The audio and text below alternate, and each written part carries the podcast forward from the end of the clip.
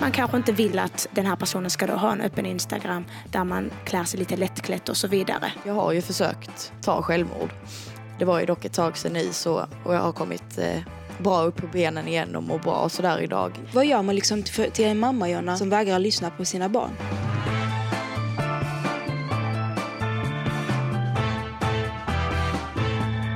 Hej, det är Lina Taha och du lyssnar på Honey and the Beast-podden.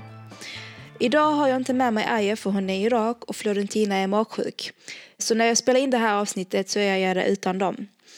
Innan vi börjar med podden så vill jag börja med att be om ursäkt för det som hände senaste avsnittet.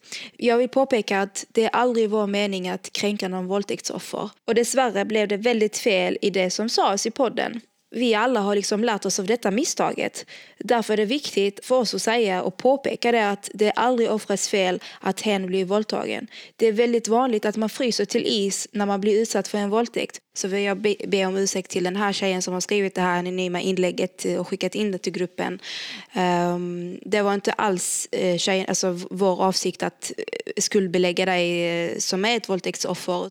Vi startade ju den här podden för vi såg att det finns väldigt många åsikter ehm, just från gruppen Honey and the Bees på Facebook. Och vi tyckte att men detta måste komma ut till samhället och höras. Därför valde vi att starta en podd där helt vanliga tjejer från samhället som är medlemmar i gruppen får komma till tals. Och dessutom är det ju så här att vi bjuder ju en ny gäst varje gång vid varje tillfälle för att få någon från gruppen att höras och synas. Vi brinner ju för att tjejer ska få komma till tals och för att vi genom att diskutera med varandra lär oss nya saker också. Vi hoppas att ni förstår vårt syfte med den här podden och att ni vill fortsätta lyssna. Men med det sagt är det också viktigt att människor blir emotsagda och det lyckades vi tyvärr inte i det förra avsnittet och därför vill vi be om ursäkt. För att komma till podden så eh, har vi som sagt inte Florentina här idag för att hon ligger i magsjuka och Aya är i, Irak på semester. Eh, så jag fick eh, släppa hit en vän som inte vill vara med i podden men som hon är tvungen till. Med mig har jag en av mina bästa vänner Jordanos med Bratto. Mm. Hej Jodde! Hej. hej Lina och hej Joanna. Eh, Joanna, vi presenterar gästen senare. Jag vet att du inte är van vid detta, men det gör ingenting. Vi bara kör på, för det är detta som är meningen med podden. Att det ska liksom, ja, vi bara kör på. Hur känns det? Ja, eh, detta är ju så långt ifrån eh, mitt område så att säga, som man kan komma. Jag arbetar ju annars på en statlig myndighet och så vidare. Men vad gör man inte för sina vänner? Ja, tack så mycket för att du är här och för att du vill ställa upp för mig. För annars skulle jag sitta här själv med gästen och det är inte riktigt meningen. Men Göra, vad ska, vi, vad ska vad heter det, kvällens avsnitt handla om? Gästen ska bland annat berätta om sin ADHD. Mm -hmm. Och vi ska även prata om en pojkvän som bett sin tjej att ta bort sin Instagram. Mm, men vi ska även eh, prata om en mamma som är alkoholist. Och veckans gäst jag glömde ju berätta det i början av podden. Vi är faktiskt i Kristianstad ikväll. Eller ja, vi sitter här i Kristianstad. Eh, hemma hos mig faktiskt. Och eh, veckans gäst är från Kristianstad också. Med mig har jag Jonna. Hej Jonna! Hej! Hur känns det?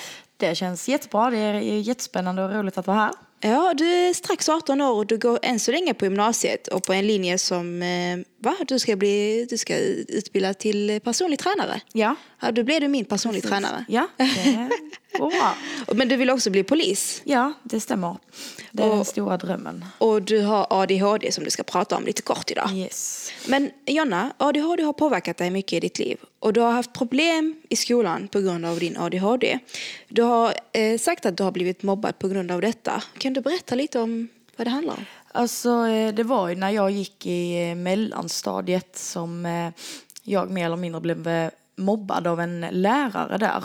Eh, hon stängde ut mig helt ifrån eh, klassrummet. Jag fick inte vara med och jag fick inte vara i samma klassrum som de andra utan jag fick sitta i ett eget rum och ha egen lärare och så här.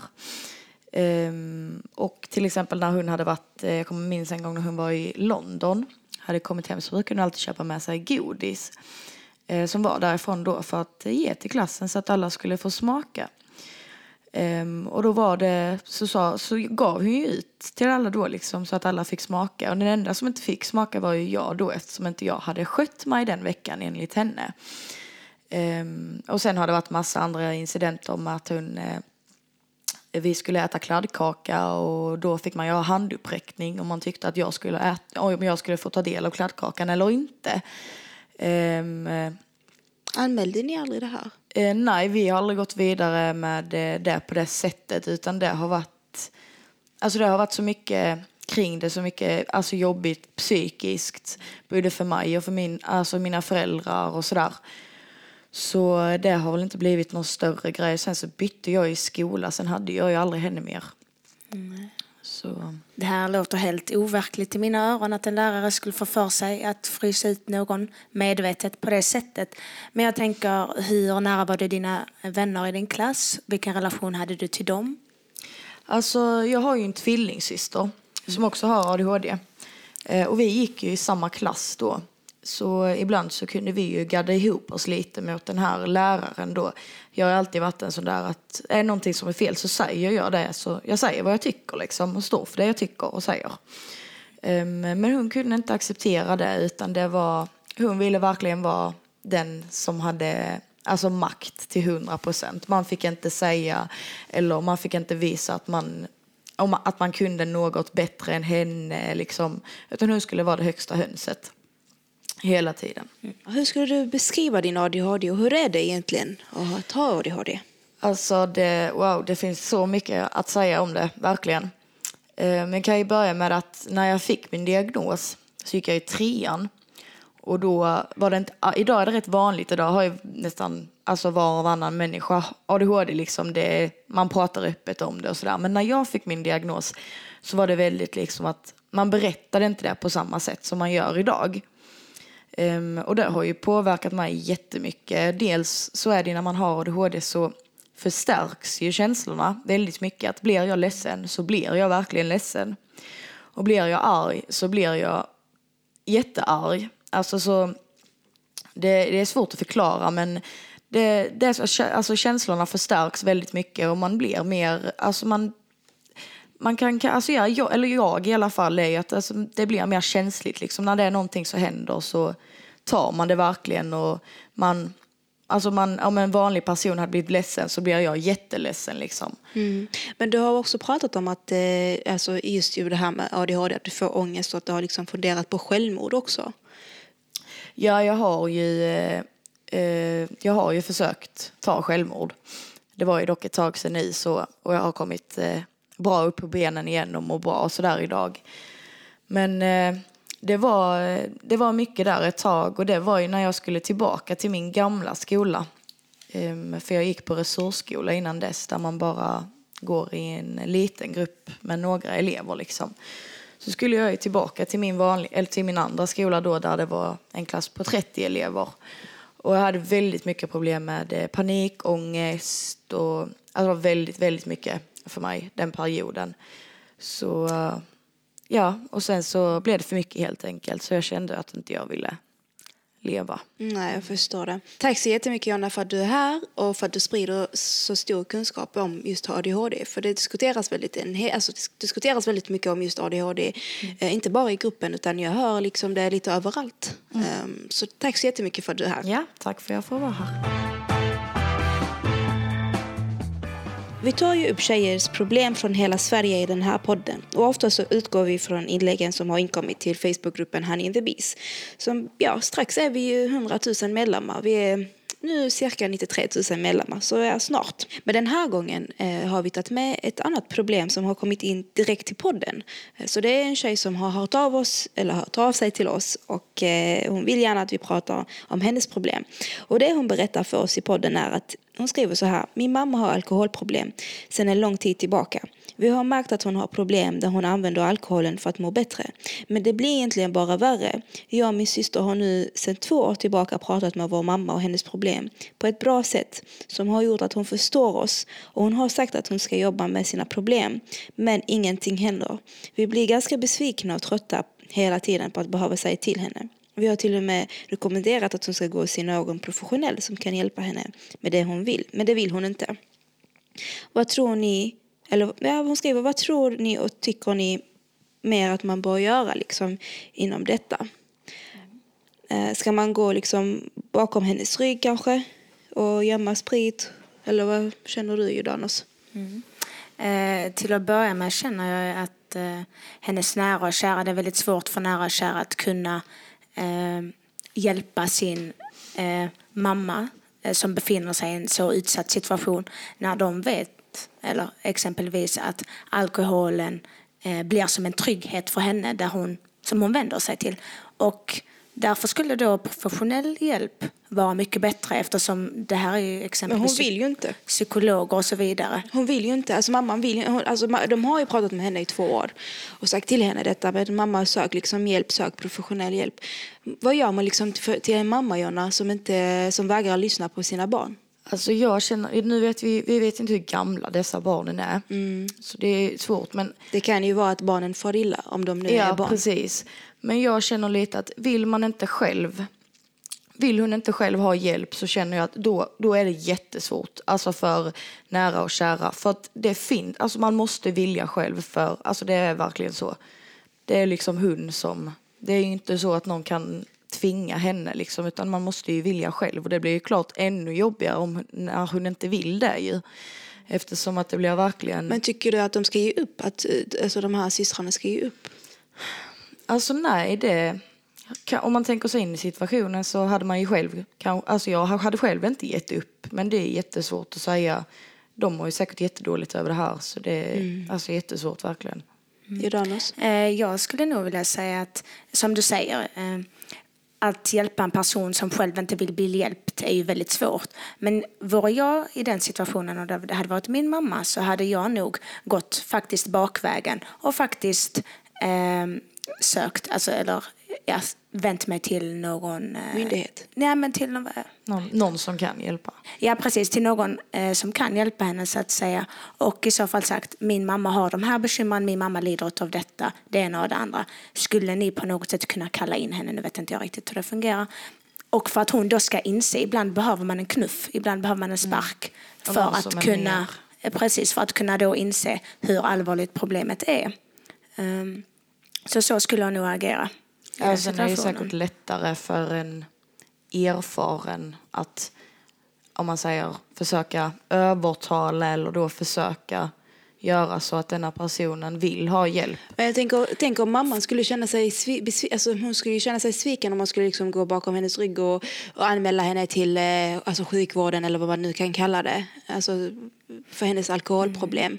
Eh, för att i och med att hon verkar ju ändå hon verkar inte förstå hur allvarligt det är. Så jag tror ändå att hon skulle liksom reagerat ifall de skulle gå bakom hennes rygg och kontakta. Absolut, det tror jag också, men kortsiktigt. Alltså att hon kanske, alltså, ja precis kortsiktigt att hon skulle känna att hur kan de gå bakom min rygg? Men å andra sidan så går de ju delvis bakom ryggen, men för de har ju försökt att hjälpa henne genom att då samtala med henne och säga hur allvarligt problemet är för henne och men även att det går ut över deras psykiska hälsa kan jag tänka mig att de också har nämnt. Så därför, på, det är på både, både ja och nej att hon går bakom ryggen. Men sen så, alltså i ett längre perspektiv då kanske hon ser det som att tack för att de faktiskt hjälpte mig att komma fra, alltså till den insikten att jag måste Ja, ta mig precis. till, eh, Ja, det håller jag med. Men eh, till med någon stöd, Att, så här stödfunktion. ja, att hon känner att Ja. långsiktigt, alltså i det långa draget så i slutändan så tack för att ni gjorde det här, för det var det jag behövde liksom. Precis. Men eh, sen är det klart att, att hon kan bli besviken om de går så, här, så kallat bakom hennes rygg. Men samtidigt känner jag, tänk vad besvikna de måste vara på henne liksom. Så det är säkert ömsesidigt där i så fall. Ja, det finns ju föreningar och så för de som hjälper anhöriga. Så jag kan tipsa om att, hade jag varit i den situationen så vill jag tipsa dig om att vänd dig till någon som är expert eh, som kan han, hantera anhöriga som lider av så pass allvarliga alkoholproblem. Eh, för jag känner att det, det låter ju väldigt allvarligt när mamman inte verkar inse hur, hur alltså, jobbigt det är för barnen och att det påverkar barnens vardag. Och eh, nästa inlägg har då kommit till gruppen Honey and the Beast, ett anonymt inlägg. Eh, där är det en tjej som har varit ihop med en kille ett halvår och de är helt galet förälskade i varandra. Men nu har hon märkt att han har börjat bli svartsjuk. Han har fått henne att radera Instagram för att så många okända personer följde henne. Och hon såg det som hon söker, liksom, han ser det som att hon söker bekräftelse. Hon menar att hon accepterar detta och tar bort sin Insta för att bevisa att hon inte döljer något för killen. Men han tror att hon liksom fortfarande söker bekräftelse för att hon till exempel använder smink och så. Vad tänker ni? Alltså han, jag tror att killen tänker så här, men hon lägger upp massa bilder och så för främlingar för att hon vill ha bekräftelse kanske av andra killar. Mm, eh, precis. Eh, jag tänker, ja, det, det, du säger Lina, just med att lägga upp bilder, det, det handlar snarare kanske om att ja, man söker bekräftelse hos andra för att man kanske inte får det hos sin partner också. Nu, vet, nu framgår inte det riktigt Nej. i detta inlägget. Men eller så handlar det bara om, ibland behöver det inte handla om att jag kan få tillräckligt mycket bekräftelse från min partner men att jag, jag har så pass dålig självkänsla så att den bekräftelse som jag får av partnern inte är tillräcklig utan jag behöver samtligas bekräftelse. Och det kan man ju då, eh, vad heter det, eh, genomföra på olika sätt genom att sätta på sig lite mer smink, klä sig på ett visst sätt och så vidare och eh, posta det då på sociala medier. Mm. Som Instagram. Mm, vad känner du Jonna? Alltså jag tycker, eh, jag tycker det handlar mycket om vad för sorts bilder man lägger upp. Eh, om man har en eh, partner som inte tycker om när eh, tjejen då till exempel lägger upp väldigt lättklädda bilder till exempel så kan jag absolut förstå den partnern för hade det varit tvärtom så hade det säkert varit likadant. Men sen känner jag att man inte får begränsa för mycket heller för att då kan det bli att man drar sig undan istället. För att istället för att man tänker att ja, men han, gör, han gör bara det liksom för, för att han tycker om mig så mycket, för att han verkligen vill ha mig. Och då tror jag med att det blir liksom att nej, men då backar man lite istället för att man känner att man kvävs lite så. Alltså jag känner så här, jag hade inte velat att min kille eh, har en Instagram som är öppen för alla. Eh, och där tjejer liksom likar hans bilder och skriver liksom sliskiga kommentarer. Eh, men jag tycker inte att han ska säga till henne att hon ska ta bort sin Instagram helt. Det finns en gräns till allting. Eh, jag minns att när jag och Mohammed var yngre så var det så att jag inte fick ha Facebook av honom. Men då var vi liksom alltså, mycket yngre än vad vi är idag. Vi var inte på samma mognadsnivå liksom, nivå, om man säger så. Vi trodde att allting alltså, eh, cirkulerade kring det här. Men jag, men jag känner att hon behöver sitta och förklara för honom att när jag lägger upp bilder så gör jag inte det kanske för att, bekräft, mm, få bekräftelse av andra killar. Vill du att jag tar bort killarna så kan jag. För jag förstår att jag hade inte velat att någon sitter och skriver sliskiga grejer till min, eh, till min partner på Instagram. Och hur ska du liksom, ska du bara ta bort kommentarerna? Det rullar ju in på ändå när du har liksom ett offentligt konto med, vi säger, hundratusen följare. Mm. För mig handlar det snarare om att okej, okay, du kan absolut ha eh, en öppen Instagram, men det handlar om vad du lägger ut för bilder och hur du själv vill framställa dig. Mm. Om jag vill ha en öppen Instagram, då kommer jag ha det. Jag menar, jag tror inte det blir bättre för att jag säger åt dig, nej du ska inte ha det. Om du själv vill ha det så kommer du göra det ändå. Mm. Det tror jag. Mm. Och dessutom så äh, tänker jag även att äh, många idag jag ska, jag ska inte säga alla, utan jag säger eh, väldigt många idag är väldigt kvicka med att prata om kontrollera, begränsa, att man använder de begreppen när det kommer till sin partner exempelvis. Mm.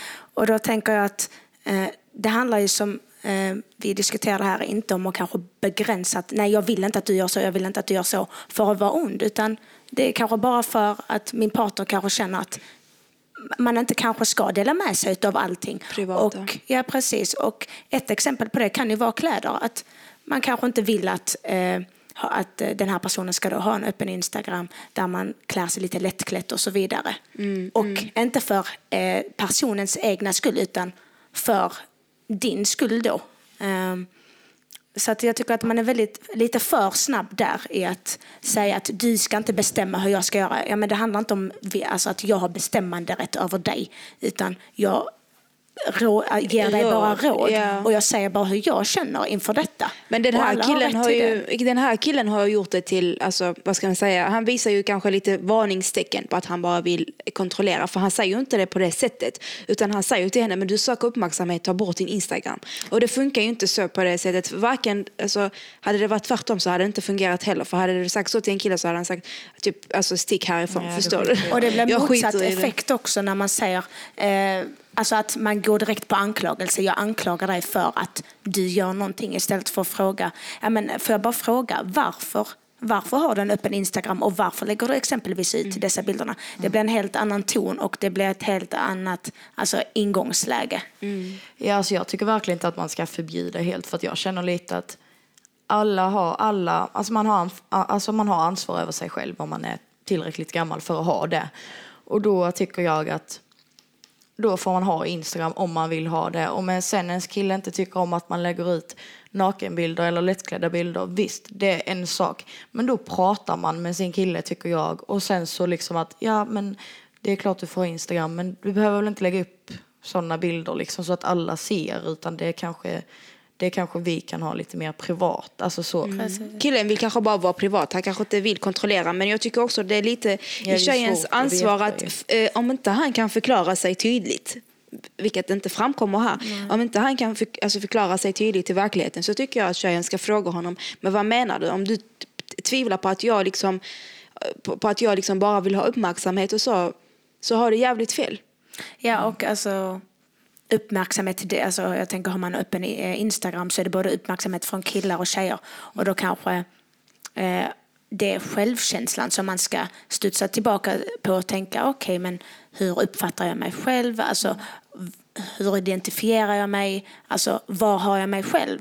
Och jag tror snarare att förbjuda saker jag bara, det förbjudna blir helt plötsligt det mer intressanta. Ja, det som man vill göra. Ehm, Det så, och att förbjuda, Eh, om vi ska tänka så, jag hade inte velat förbjuda min partner att göra någonting utan jag säger hur jag tycker och hur jag känner och vill du respektera det så gör du det. Men jag kan inte styra och ställa över hur du ska göra för det blir heller inte bra och då blir det inte genuint heller. Nej, precis. Nej, det känner jag med verkligen att... Men är det, förbjuder man någonting så brukar det bli så att... Nej, men då kanske hon gör det i smyg istället. För att hon ännu värre. Liksom. Alltså, ja, precis. Och sen får han reda på det så blir allt bara Alltså, kaos. öppen kaos. och rak kommunikation, det är det viktigaste. Ja, det är det. Ja, och enklaste för den delen. Faktiskt. Verkligen. Jag hade kunnat ha en öppen Ja, Instagram. ja, jag, ty- ja. jag tycker inte att det är fel, absolut inte. Nej, för mig handlar det som jag sa att snarare om vad lägger du upp för typ av bilder? Hur framställer du dig själv på sociala medier? Framställer du dig lättklädd, alltså har du lättklädda kläder eller du framställer dig på ett visst sätt som gör att du söker, alltså att du aktivt söker eh, uppmärksamhet från killar, då blir det en helt annan reaktion från killen. Att du, är- om du exempelvis helt plötsligt börjar kanske skriva på ett flörtigt sätt mot andra killar eller på ett tydligt sätt visar på att det är uppmärksamhet från andra killar du vill ha. Vi kan väl sammanfattningsvis eh, säga att eh, det viktigaste är att man känner sig fri såklart. Alltså i alla förhållanden, i alla, i alla frågor egentligen, inte bara om Instagram, om allt annat. Eh, vad känner du själv liksom? Känns det bra, kör på det. Känns det inte bra, nej. Men det är ju det viktigaste vad du känner och hur du, hur du liksom resonerar kring det. Absolut. Precis, så Man har länge- ju en fri vilja, så är det ju helt enkelt. Ja, och så länge man kan stå för allt det man gör, stå för alla de valen man tar, så är det det som är det viktigaste. För i slutändan så har man ju bara eh, Det blir bäst så. Exakt. Och eh, nu har vi kommit till veckans skönhetstips, Jonna. Jag vet att du sa innan podden att det, det var lite jobbigt att välja. Men du hade faktiskt ett jättebra skönhetstips. Dela med dig. Ja, ehm, jag är ju inte sån som sminkar mig sådär jättemycket utan det gör jag typ enbart på helgen om man ska festa eller något. Men eh, jag har faktiskt ett skönhetstips som eh, ja, det är faktiskt riktigt bra. Eh, innan man böjer ögonfransarna så kan man ta sin hårfön och värma upp det här gummit som eh, finns då. Ni, ni, ja, ni vet Ja, jag förstår vad du menar. jag, jag, jag är inte så insatt men eh, Ja, eh, och sen så, så att den blir lite varm så får man en mycket bättre böjning på ögonfransarna. Dessutom håller det mycket längre. Så det blir riktigt snyggt faktiskt. Ja, men då sa jag, ska faktiskt testa det. Ja, bara man inte ser till så att man bränner sig. Förlorar jag mina fransar så hör jag av mig Ja, till Jonna. Tack Jonna för att du ville vara med här och eh, för att du gästade mig här hemma hos mig. Du fick, eh, ja, jag hann inte bjuda dig på så mycket, men nästa gång, du är välkommen när du vill. Tack så hemskt mycket. Och som jag tidigare sa så spelar vi även in i Kristianstad. Så är du här i närheten av Kristianstad och vill gästa, hör av dig till mig eller till Madeleine, producent HB. Eh, Ja, eller mig som sagt. Och så hoppas jag att vi ses. Ha det så bra allihopa. Hej då! Hej då! Honey and the Beast-podden produceras av produktionsbolaget Munk.